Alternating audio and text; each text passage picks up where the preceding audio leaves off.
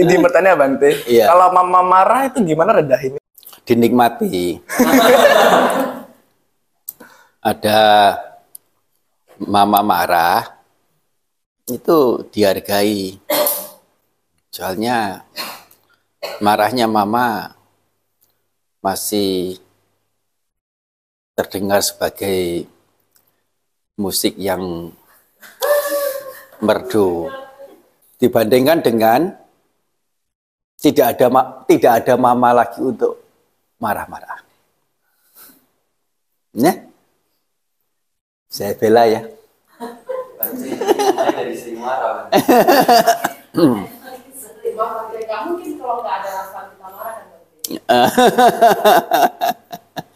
Ya itulah ada mama yang marahi, ya masih untung masih ada yang mengingatkan itu artinya. Hmm.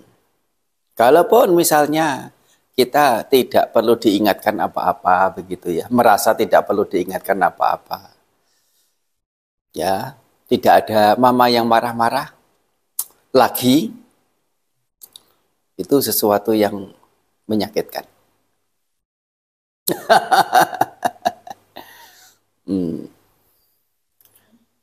Paham yang dimaksud ya? Hmm. Ma- masih ada mama yang marah-marah, bagus. Masing-masing punya, ya itulah, eh, sungguhnya marahnya mama adalah marahnya orang bijaksana. Kita patut untuk hargai. Kita eh, memposisikannya itu sebagai berlian. Daripada pujian-pujian teman yang tidak jelas, yang menjerumuskan. Di sisi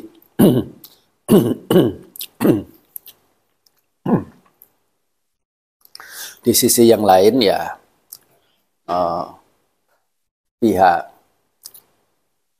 mama atau pihak orang tua ya barangkali itu adalah salah satu cara untuk membuat anak-anak bisa patuh, bisa ikut pada jalur yang sesuai, jalur yang baik, jalur yang benar. Tapi dua hal atau mungkin tiga yang perlu diperhatikan adalah apakah harus dengan kata-kata yang kencang, dengan kata-kata yang keras, dengan kata-kata yang mungkin akan mengusik rasa, membuat iritasi di hati bagi yang mendengar. Tidak bisakah mengubah dengan kata-kata yang dingin, kata-kata yang sejuk, tapi tetap mencerahkan.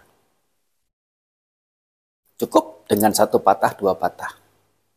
Soalnya, kalau terbiasa dengan menggunakan sesuatu yang keras, itu akan menjadi hal yang hari-hari dan menjadi tidak berharga. Kata-kata meskipun yang sudah keras itu. Untuk lain waktu, ada sesuatu yang lebih serius, lebih apa lagi, kalau keras saja sudah tidak mendengar, kata apa lagi, cara apa lagi. Akan menjadi susah.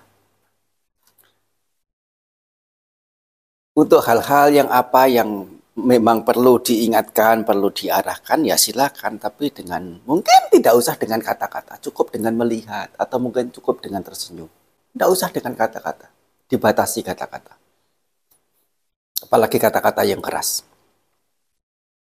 yang bilang marah itu, itu memboroskan, memboroskan cara. Kalau dibiasakan dengan ya apa namanya gelagat saja. Cukup dengan memandang cukup dengan tersenyum atau cukup dengan bagaimana. Cukup dengan pura-pura ya eh, tidak puas tapi dengan sikap dia tahu nggak apa-apa nggak tahu juga nggak apa-apa hmm, yang bersangkutan. Itu satu ketika kalau kita orang tua sudah mengetak, mengatakan sesuatu, meskipun itu kata-kata yang tidak ada kesan marahnya, itu sudah menjadi sesuatu yang besar bagi yang mendengar. Apalagi kalau sampai marah-marah, udah itu mungkin yang mendengar sudah nggak bisa tahan. Satu kali marah saja. Tapi kalau sudah dibiasakan dengan marah, dengan marah, oh, marah itu hal yang mm, sudah biasa, sudah lumrah. Satu hal lagi tentang timing. Satu cara, apakah harus dengan marah, dengan kata-kata yang keras? Hmm, barangkali kurang perlu. Kita sendiri juga capek keluarkan energi. Marah, marah, marah. Hmm. Pakai cara yang lebih lebih soft. Dibiasakan dengan cara yang soft. Satu hal lagi adalah timing. Saat dilihat anak atau siapa itu tidak ada kesiapan mendengar, ngomong juga percuma. Justru ngomong di waktu yang tidak tepat, selain dari apa yang kita maksud itu tidak tercapai, yang bersangkutan itu mungkin juga malah sebel. Salah satunya misalnya waktunya makan. Waktu makan bareng gitu. Waktu makan itu makannya adalah waktu yang paling privat kucing itu bisa diajak main. Hmm. Tetapi sewaktu makan jangan diajak main. jangan diganggu. waktu yang sangat-sangat privat.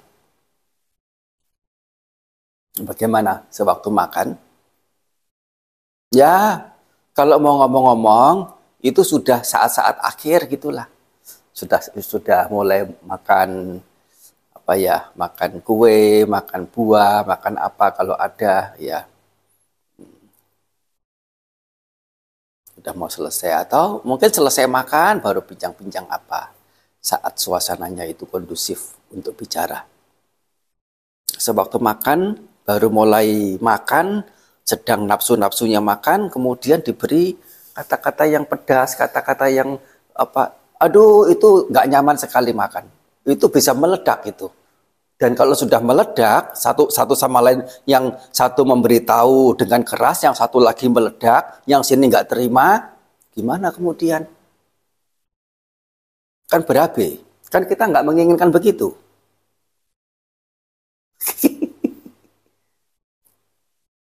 Timing sangat penting. Bukan hanya waktu yang tidak tepat, tetapi adalah menunggu mencari waktu yang tepat.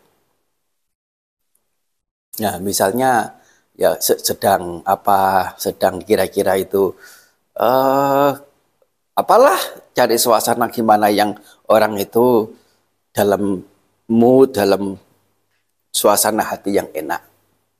Kemudian diajak cerita sana sini dulu, muter dulu, kemudian ngomong masuk ke perihal supaya pelan-pelan ada gradasinya. Nah, itu yang kedua. Yang ketiga adalah jangan terlalu sering ngomong. Terlalu sering ngomong, apalagi ngomong yang sama, ada komplain dari anak-anak. Mereka sering me menggunakan istilah radio rusak. Kalau sudah begitu bagaimana? Gak ada harganya. Terlalu sering. Soalnya yang penting itu adalah kualitas. Cara, kualitas, hmm, timing yang pas. Seandainya eh, kayak posisi orang tua itu ada salah gitu. Sebagai anak boleh nggak menegur? Atau boleh, bukan hanya menegur tapi juga orang tuanya minta maaf juga sorry ya, hmm, aku nyesel deh telah berbuat begini. Kalau tidak ada pihak yang salah satu yang spesifik menjadi kecewa gitu ya, hanya sebatas kesalahan secara umum, Duh aku nyesel deh melakukan hal ini. Nah, anak juga bisa mengingatkan, tetapi ya jangankan uh, ya uh, tidak hanya uh, jangankan anak kepada orang tua mengingatkan yang harus uh, menggunakan kata-kata yang baik. Orang tua terhadap anak pun waktu mengingatkan juga mesti menggunakan kata-kata yang baik. Hmm. dengan menggunakan kata-kata baik itu akan lebih dihargai. Meskipun kata-katanya itu terlihatnya ya apa namanya tidak menyakitkan, tidak menakutkan. Kata yang menyakitkan, kata yang menakutkan, ya itu memang sakit, membuat gentar. Tapi itu juga membuat yang mendengar itu melawan. Dan menjadi tidak berharga kata-kata yang dilawan itu. tidak, uh, boleh, ya? boleh, boleh, boleh. Boleh. Hmm. Boleh saja. Untuk beberapa konteks tertentu ya, beberapa hal ya nggak nggak perlu ditegur, orang tua juga sudah sadar, nggak perlu juga. Kalau kira-kira sudah apa kalau belum kira-kira belum ingat begitu ya diingatkan tapi juga itu dengan cara yang manis dengan cara yang sopan hmm. gimana suasana hati nah sebelum di namanya diingatkan nah dikasih kue dulu kasih apa dulu kasih minuman dulu ya disogok dulu hmm. Hmm. ah, supaya apa menjaga suasana kondusif ya Hmm, itu kan kita saling menghargai ya hidup itu ya. Takutnya kan pas kita tegur gitu kan kalau orang tua bukan tegurnya langsung tegur Iya, apa namanya? Uh, sekali lagi, mungkin kita belum pandai dalam memilih kata-kata. Termasuk juga memilih timing. Hmm. Uh, jika itu kira-kira yang bersangkutan itu ya uh, tahu apa yang dia lakukan adalah hal yang ya kurang cocok, kurang sesuai uh, dan sebatas sebagai apa kealpaan ya biarin apa-apa. Tapi kalau itu apa yang bersangkutan tidak tahu yang harus diberitahu baru tahu gitu ya. Ah, ya baik juga untuk diberitahu bukannya hidup bersama bukan kemudian nggak boleh ditegur, nggak boleh diingatkan satu sama lain. Hmm. Gimana? Oh, enggak, kata hormati kedua orang tuamu ya apa namanya eh, bukan berarti tidak bisa mengingatkan, memberitahu apa juga tidak, bukan begitu. Hmm, dua hal yang berbeda. Bahagiakanlah anak dan istri. Membahagiakan. Jadi kalau membahagiakan anak, nggak boleh tegur anak loh ya. Ah, kan kalau kalau kalau negur kan membuat anak kecewa, buat anak merasa tidak nyaman hati. Terus bagaimana kalau tidak ditegur, tidak diingatkan, tidak uh, tidak dinasihati? Hmm. Kan orang tua selalu bilang kita lebih tua, kita lebih tahu. Agak, Iya betul, lebih tahu lebih banyak lebih banyak makan garam, tetapi tidak serba tahu kan?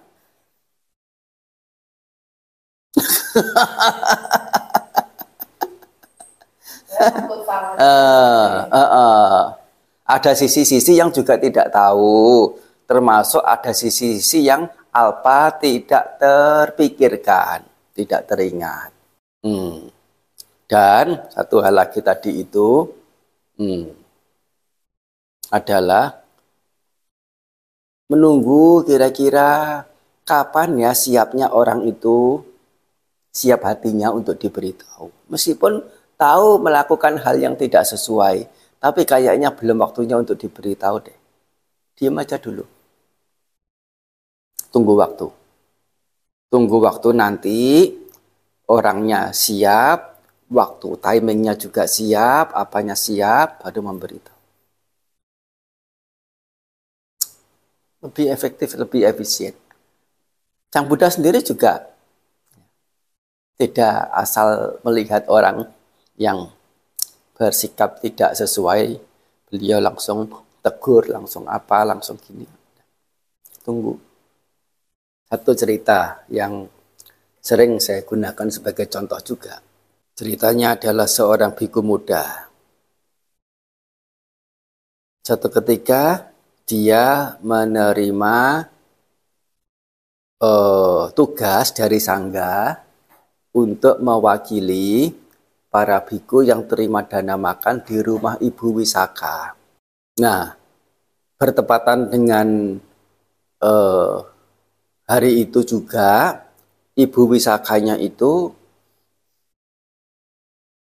sedang ada kesibukan sehingga menyuruh salah satu cucunya untuk uh, menjamu para bantai yang datang. Nah, uh, cucunya ibu cucu ibu Wisaka ini tidak semuanya itu apa uh, aktif di kegiatan keagamaan.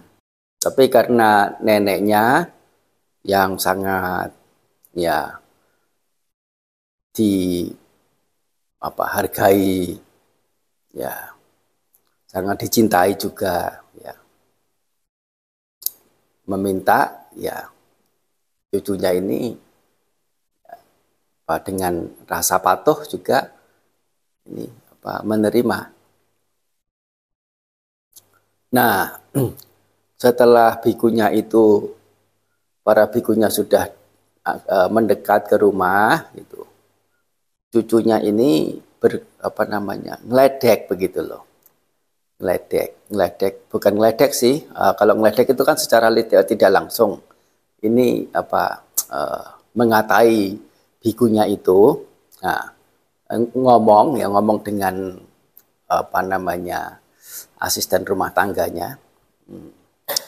Ya, ngomong-ngomong begitulah, ngomong-ngomong sambil ketawa-ketawa, ngeledekin bikunya. Tapi apa apa harapannya sih itu apa eh, tidak memaksudkan bikunya itu akan mendengar. Hmm. Eh. Itu orang-orang yang kepalanya terpotong itu lucu-lucu ya. Uh. Nah,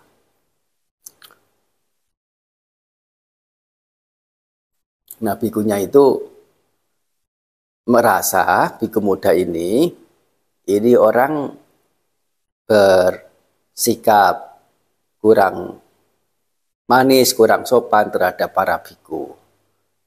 Ini gadis. Nah, gadisnya ini ditegur. Hmm. Eh, kalau ngomong yang benar, kami-kami bukan orang yang kepalanya terpotong. Kami adalah orang yang rambutnya terpotong, bukan kepalanya terpotong. Enggak lah, ya itu mungkin pada waktu itu uh, uh, apa namanya ungkapan begitu ya. Ungkapan itu kan kadang tidak sesuai begitu ya, tidak kurang sesuai lah. Kurang sesuai dengan kenyataannya. Nah misalnya, kalau pergi di, di jalan raya begitu, eh, ketemu perempatan lampu merah, kita apa yang harus kita lakukan? Belok kiri, belok kanan, lurus atau gimana? Berhenti dulu. Kan perempatan lampu merah. Kalau perempatan lampu hijau baru jalan. Tapi itu sudah ungkapan lampu merah, perempatan lampu merah. kan keliru itu. Nah, seperti itulah kira-kira uh, dua sudut yang bisa diambil.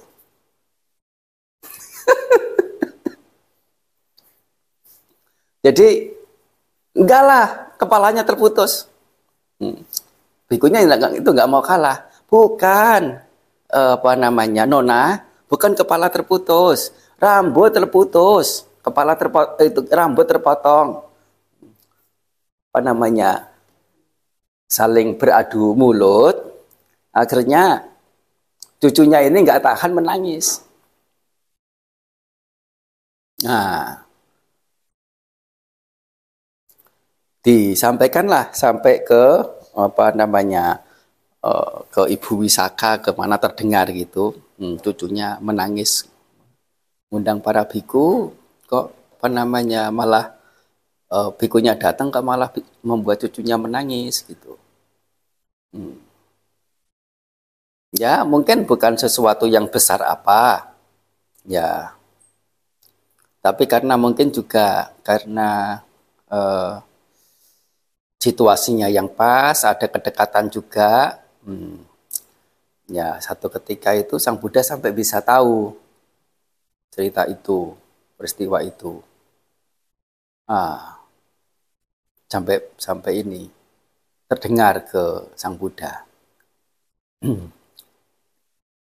Ya, bikunya itu sudah ini sudah dinasihati oleh para biku yang lain. Eh biku, kamu mengalahlah. kamu mengalahlah. Kamu begini-begini kenapa nggak mau ngalah? Bikunya juga tidak mau. aku, aku yang benar. Aku nggak salah. Gadisnya itu yang salah. Terus apa namanya? Uh, nggak nggak itu. sampai si gadisnya itu menangis. Cerita ini terdengar ke sampai ke Ibu Wisaka juga akhirnya ke sampai ke Sang Buddha juga. Ya, kemudian Sang Buddha datang beritahu menemui bikunya itu. Apa yang Sang Buddha katakan? Bagaimana ceritanya? ini Bante, apa namanya, uh, ini gini, gini, gini, gini, gini, ceritakan. Oh, Sang Buddha mengatakan, oh ya, kamu yang benar. Gadisnya itu yang keliru. Terus, Sang Buddha hmm, uh, meneruskan pembicaraan itu dengan bikunya itu. Setelah bikunya merasa terbombong, terangkat, dia mau mendengar bahwa Sang Buddha ini bijaksana, bahwa Sang Buddha ini pintar, bahwa Sang Buddha ini yang ya mungkin ya tanda petik membela dia. Dengan begitu, dia ikut arus sudah. Dengan apa yang Sang Buddha katakan, kata-katanya kemudian mengarah mengarah ke hal-hal yang inspiratif, hal-hal yang mulia, hal-hal yang agung, hal-hal yang perlu dipraktikkan, hal-hal yang perlu ya dicapai. Nah, entah dalam waktu itu juga yang bersangkutan bikunya itu mencapai kesucian atau dari eh, apa namanya perbincangan itu kemudian dia berlatih sampai kemudian mencapai kesucian. Ya sebetulnya tentang biku tersebut yang keras kepala itu sudah lama diketahui. Tapi Sang Buddha tidak tegur. Dan di saat ada peristiwa itu, bikunya itu ya sedang kekeh dengan pandangannya, ditekuk dulu. Baru kemudian setelah tertekuk, ya tidak tegak lagi. Nah, udah bisa digampang digiring. Hanya sekali ngomong, nggak perlu sampai seratus kali. Seratus kali malah justru tidak ada artinya. Kata-katanya menjadi tidak berharga. Orangnya juga, uh, ya apa namanya, menjadi objek risih. Sebel sama mama. Risih sama mama, dekat sama mama apa, setiap kali dekat pasti dikorokin kuping ini. Tahu ya dikorokin kuping ya? Eh. Jadi anak juga nggak mau mendekat. Kalau anak nggak mau mendekat orang tua gimana rasanya? Nggak nyaman juga kan? Hmm. Hmm. Ya, begitu ya. Jadi uh, timing sangat penting juga. Tidak usah boros, boros tenaga, boros waktu, boros orang untuk mendengar. Nah, tapi tetap ya, tetap itu adalah musik yang merdu. Kalau dari sana setiap malam tuh dari Masa marahnya mama itu musik yang merdu.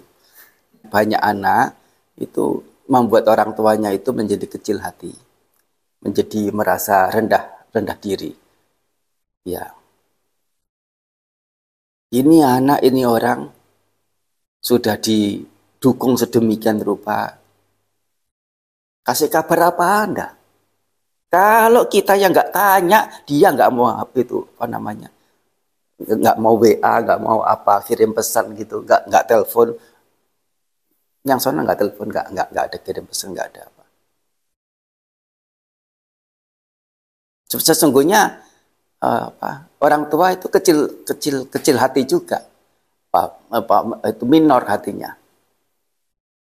Apa namanya itu? Kalau bahasa Indonesia saya agak Mi- minder, minder, minder. Ya, terima kasih, minder. Nah, minder pada anaknya. Dan mi- minder dan sedikit kecewa begitulah. Hmm. Kalaupun dikirimi pesan apa gitu, jawabnya singkat-singkat. Kadang jawabannya itu acuh tak acuh. Menyakitkan sesungguhnya. Nah itu eh, bagaimana kedua belah pihak, baik dari sisi orang tua, tahu batas, dari sisi anak juga tahu batas. Hmm.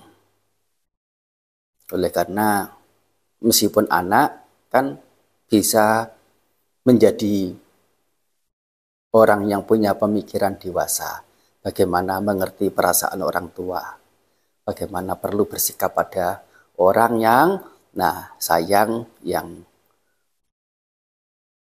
yang juga apa namanya eh, berjasa dan hal baik apa yang lain yang telah diberikan dilakukan untuk dirinya. Itu ya. Nah anumodana Sabitiyo wiwajantu